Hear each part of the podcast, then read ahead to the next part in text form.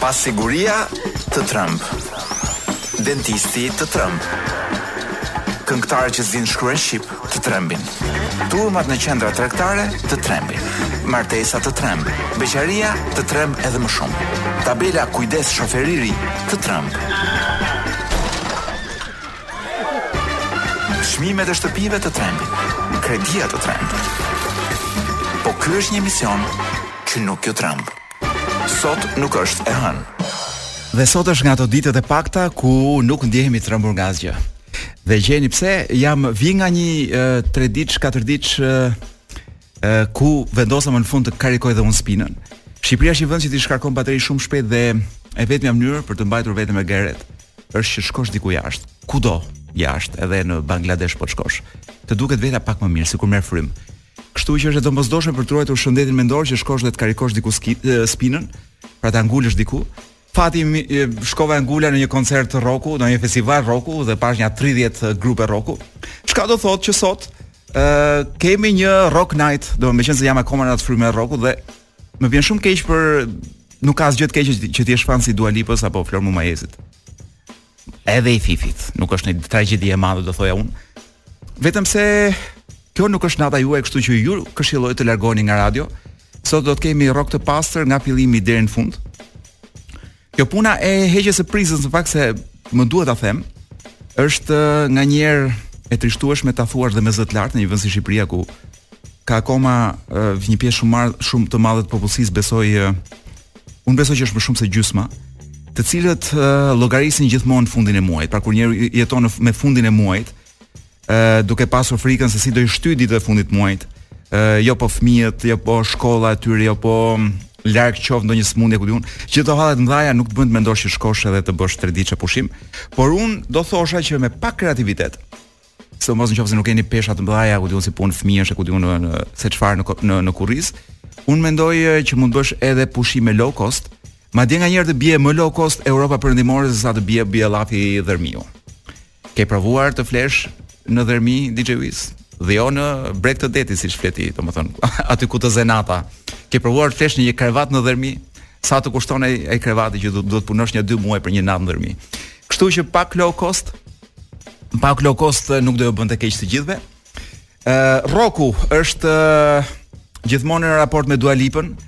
Dua Lipa do vdesë do harrohet, po unë kam pasur fatin e rrallë të shoh grupe të cilat uh, kanë 50 vjet muzikë. Ë uh, do kanë shkuar nga 90 vjeç, nga 100 vjeç, nga 120 vjeç.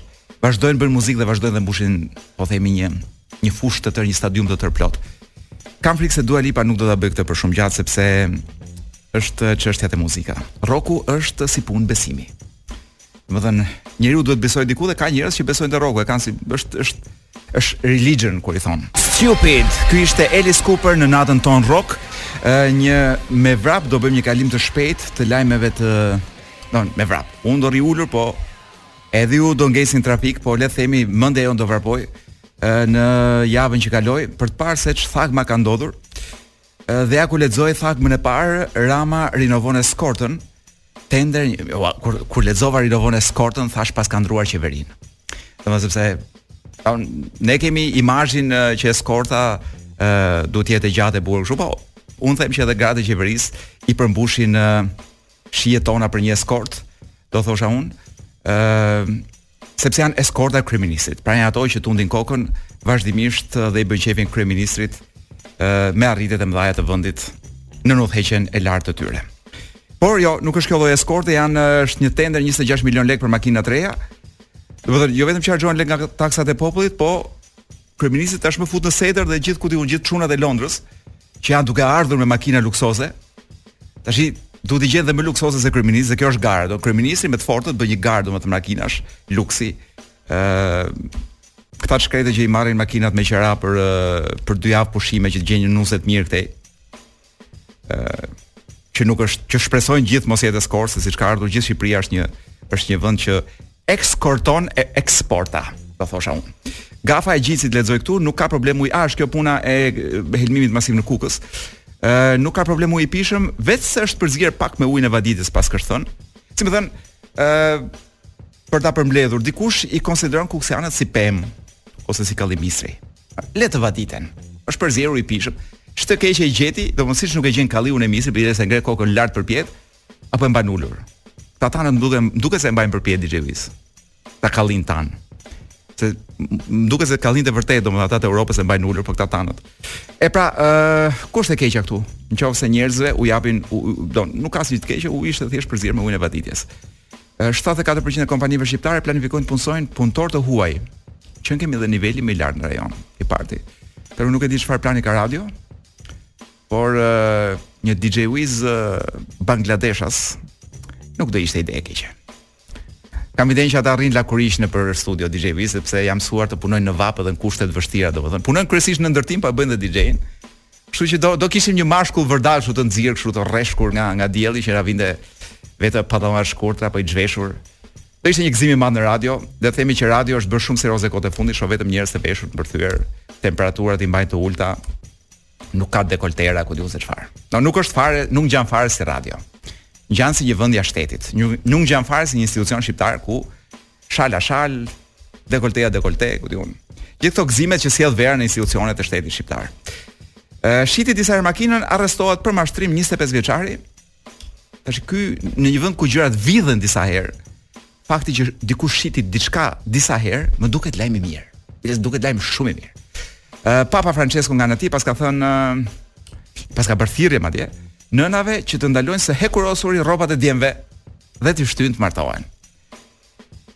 Ti papa e ke shumë mirë, po kush martohet me çuna që veshin bluza të rrudhosura? Sepse le të themi që vajzat kanë një problem që edhe i duan kështu të mbajtur çunat. Po edhe nuk duan që t'i mbajë mamaja, tash kjo është janë dy gjëra që nuk përputhen. O do jetë i rrudhosur, o do e hekurosi dikush. Dhe kush është ky dikush? Është mami, mamushka. Ikën lajmet e javës së kaluar. Kështu e mbyllën koncertin Kiss, domethënë nuk e mbyllën koncertin, po me këtë këngën tonë, domethënë pyetja e tij ishte kjo. Ndër gjitha pyetjet e kësaj bote që janë shumë, ë uh, një pyetje ka rëndësi shumë të madhe dhe pyetja është kjo. A më do ti mua? Do you love me? Ishin Kiss në këtë natën tonë rock, ë uh, kemi një ngjarje rock në orën 7 sot. Është një protestë gazetarësh, mos gaboj, nëse s'kam kuptuar mirë orën dhe vendin. përpara kryeministrisë me rastin e si mund ta quajmë këtë, e dërgimit për riedukim të një gazetari nga ana e kryeministrit. Ë diçka do thoja unë e pangjarë në në në përgjithësi në perëndim në përgjithësi, me raste shumë të rralla. Ë ka ndodhur një herë me Trumpin dhe iu ngrit gjithë gazetaria kundër. Ë këtu është e disata herë është bërë pothuajse rrugë.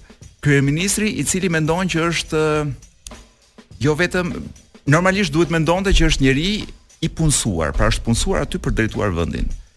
ë varet nga votat e e parlamentit, që varet nga votat e publikut. ë paguhet me paratë tona e tjera e tjera, pra gjëra që ne na duken kështu si si llogje Kavaje, do si llogje llogje Kavaje, po do thosha unë si llogje Danimarke. ë por është aty një i punësuar dhe ka për detyrë të japi përgjigje të gjitha pyetjeve.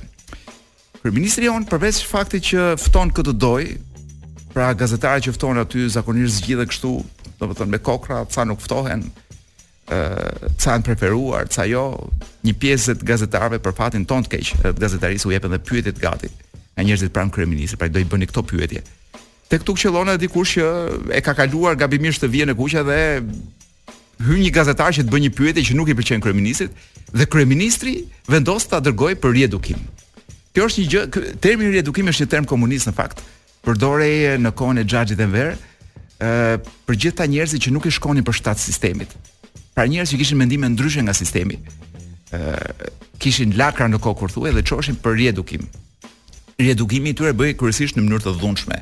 Ë uh, mund të bëhej duke i hequr fare nga Tirana, duke i çuar në vende pune, ë uh, për shembull ti mund të merrje një gazetar dhe ta çoje punonte në minierë, ë uh, mund ta çoje edhe në internim etj etj. Pra ndëshkimi ishte gjithmonë shumë i rëndë dhe dërgimi për riedukim ishte edhe një turp ndër tjera përveç dhunës psikologjike ku di unë se çfarë. Tani kryeministri e rikthen këtë term dhe unë shpresoj shumë që ë uh, Kjo të jetë, do të shpresoj shumë që mos jetë një strategji për të larguar vëmendjen nga shtatë korriku.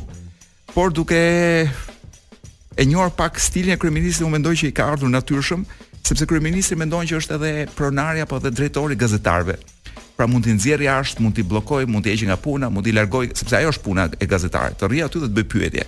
Pra është praktikisht ajo që është 3 muaj nga puna, ë pa pikë turpi edhe pa asnjë lloj të drejte. Dhe më duhet të them që ky gazetar me atë pyetjen që bëri ishte komplet në rregull me etikën e gazetarit, të cilën kryeministri sigurisht që nuk e njeh. ë dhe nuk është faji i tij, pra injoranca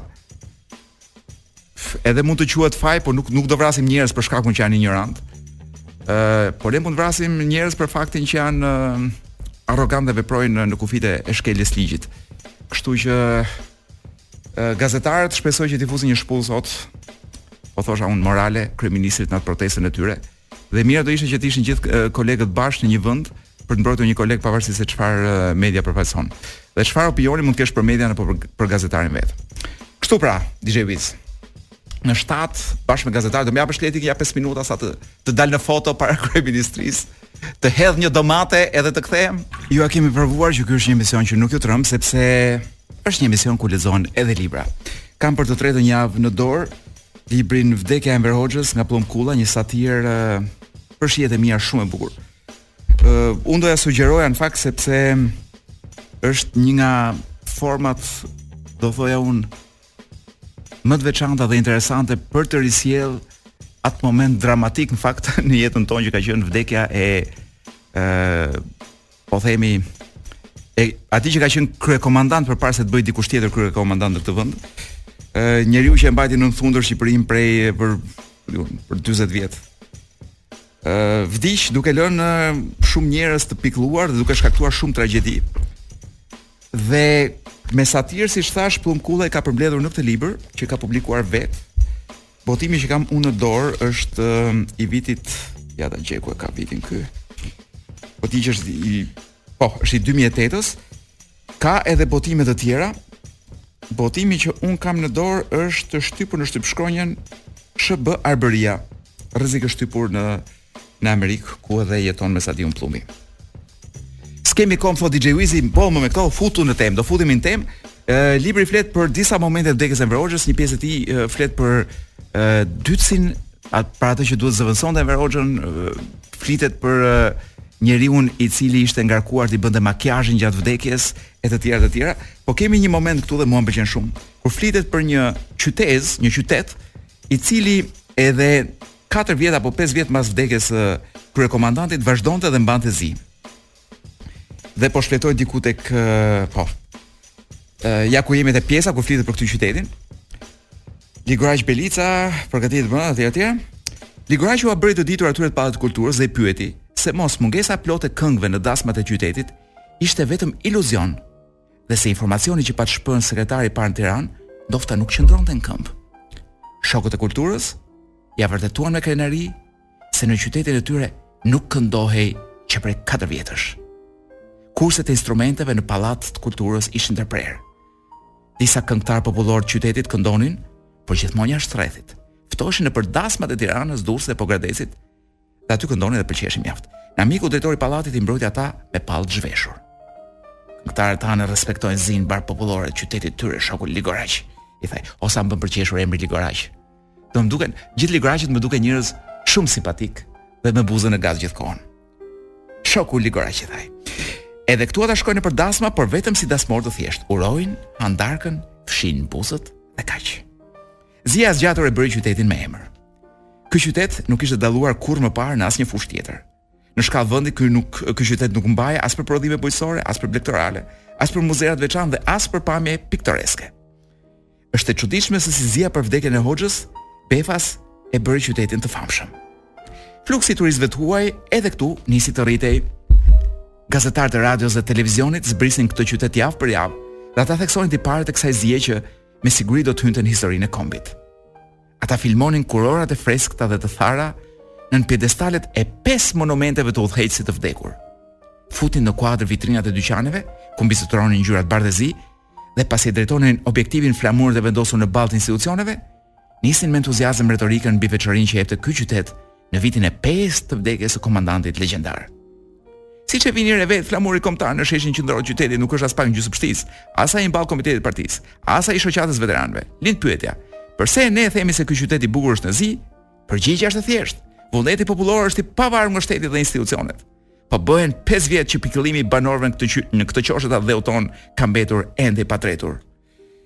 e të tjera e të tjera.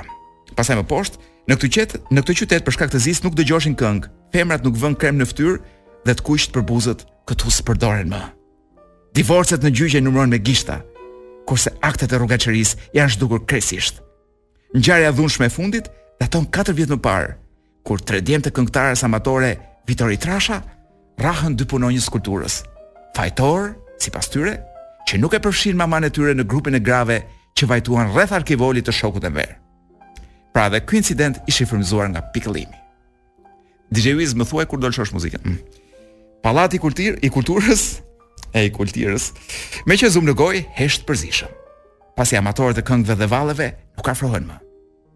Orkestrantët nuk u bien më veglave, as në dasma, as në festivale.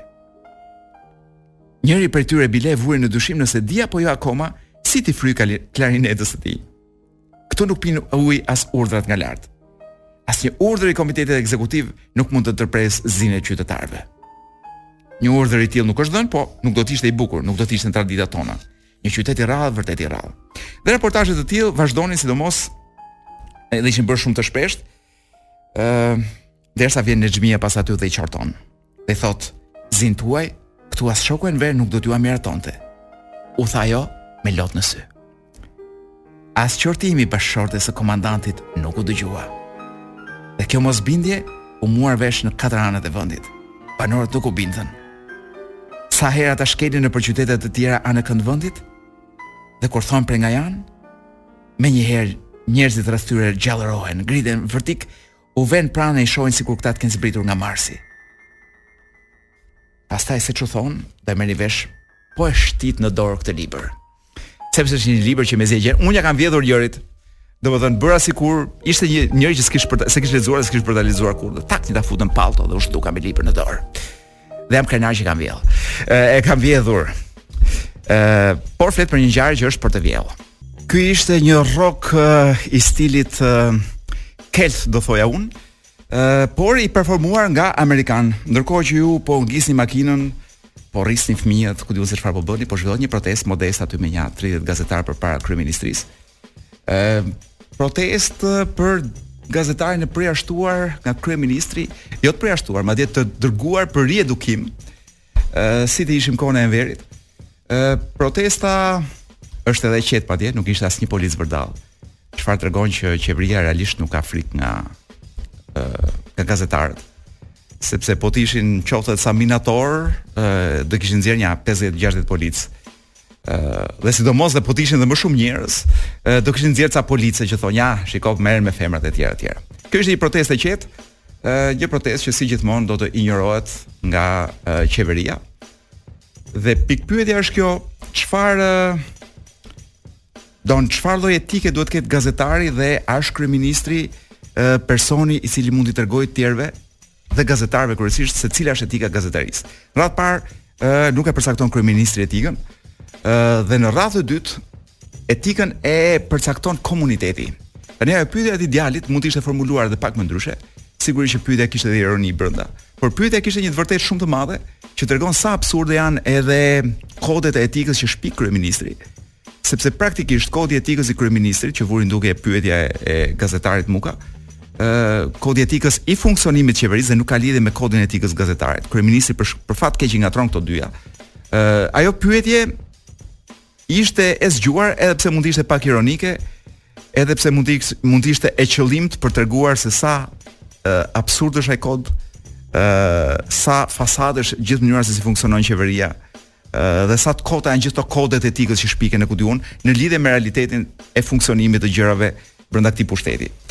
Kështu që duke marr duke menduar që pyetja mund të ishte bërë pak më mirë ndoshta nga ana e gazetarit, unë nuk gjykoj që ajo pyetje ka ndonjë ë është nuk gjykoj që ajo pyetje në thelb është jo etike, sepse është në fund fundit në interesin publik. Dhe interesi publik është ky. A e zbatojnë ministrat e kryeministrit Rama kodin e etikës. Dhe në rastin konkret dalim tek ai tek pyetja dhe dhe gjithçka që u tha në atë pyetje.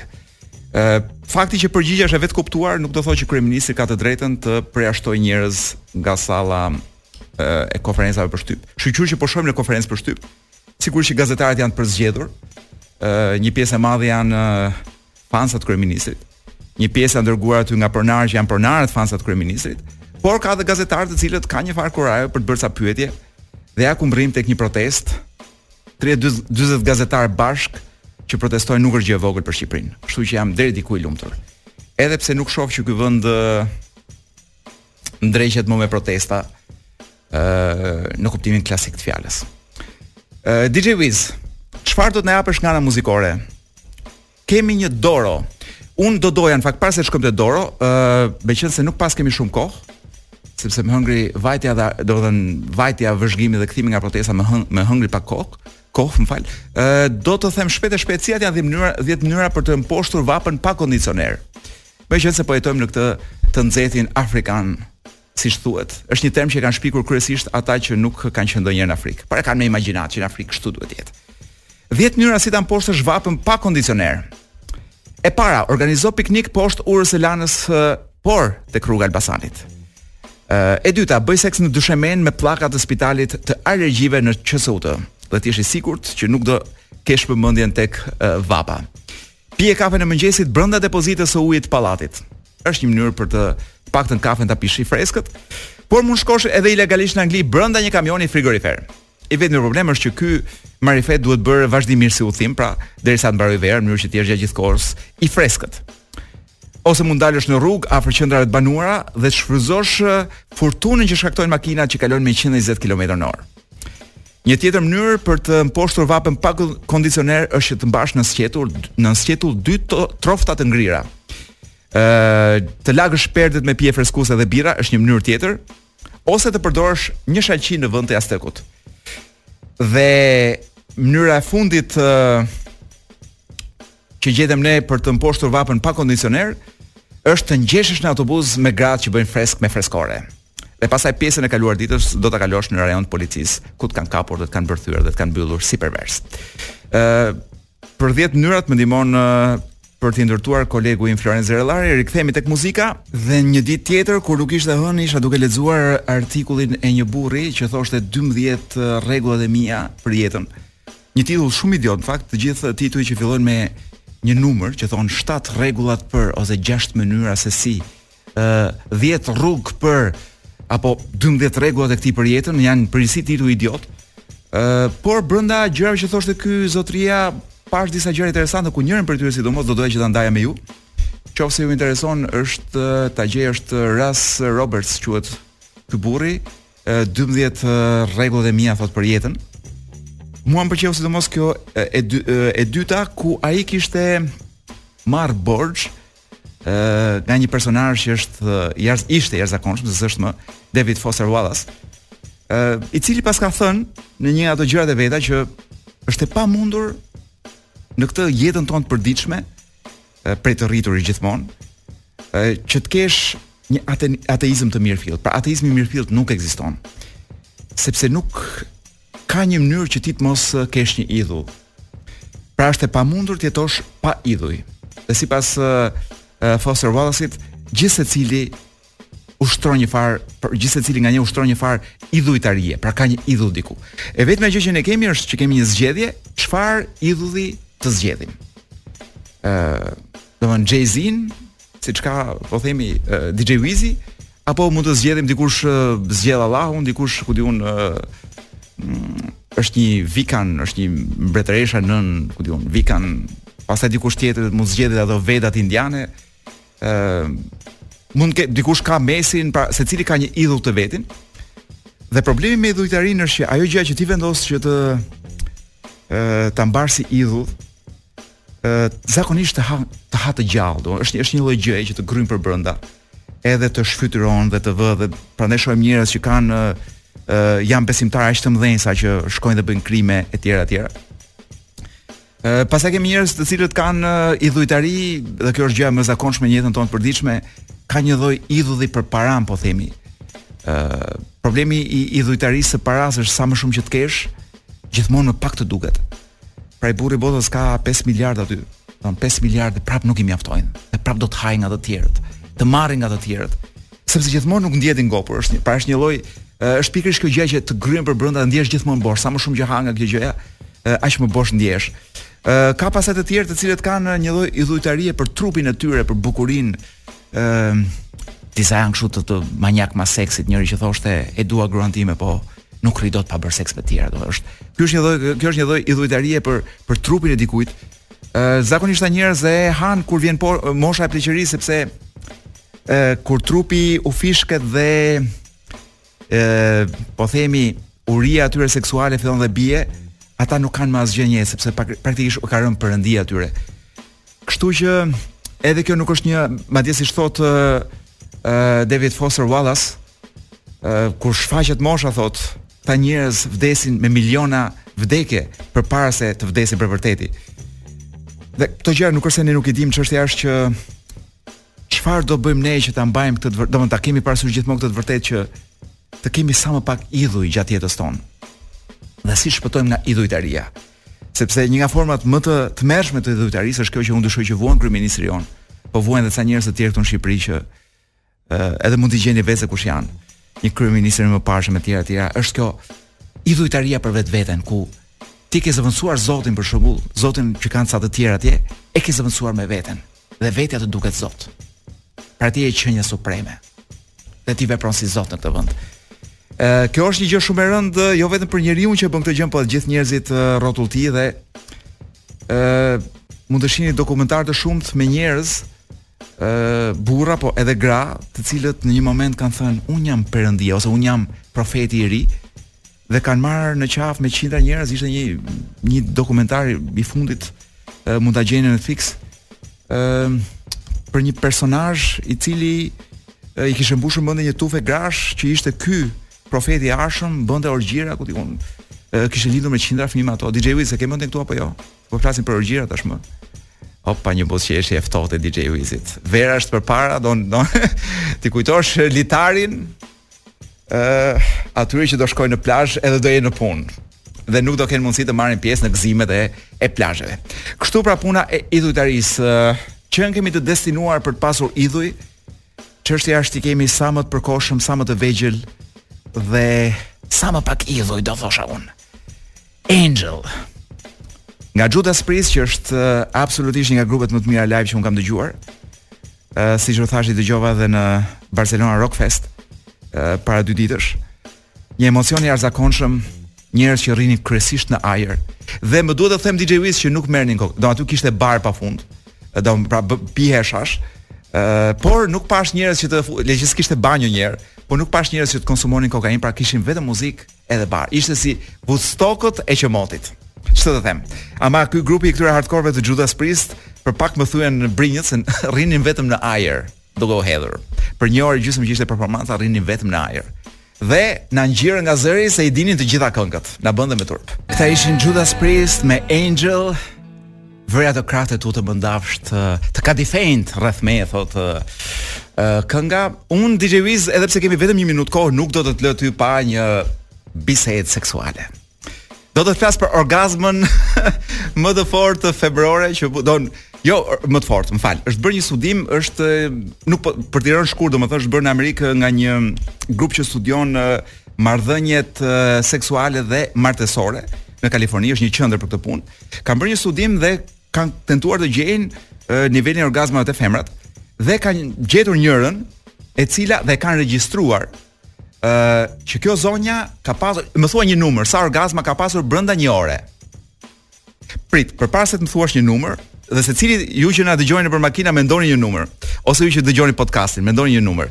DJ Wiz po them që për meshkujt është 16.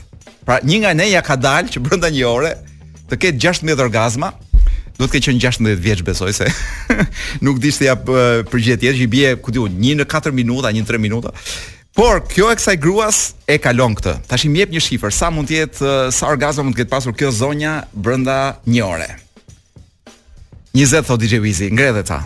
3 23, ngrije dhe, po ngrije dhe ca më shumë mo burrë. Njëzet e tetë, njëqind e tridhjetë e katër DJ Wiz, brenda një ore që i bie një orgazëm në 2 minuta.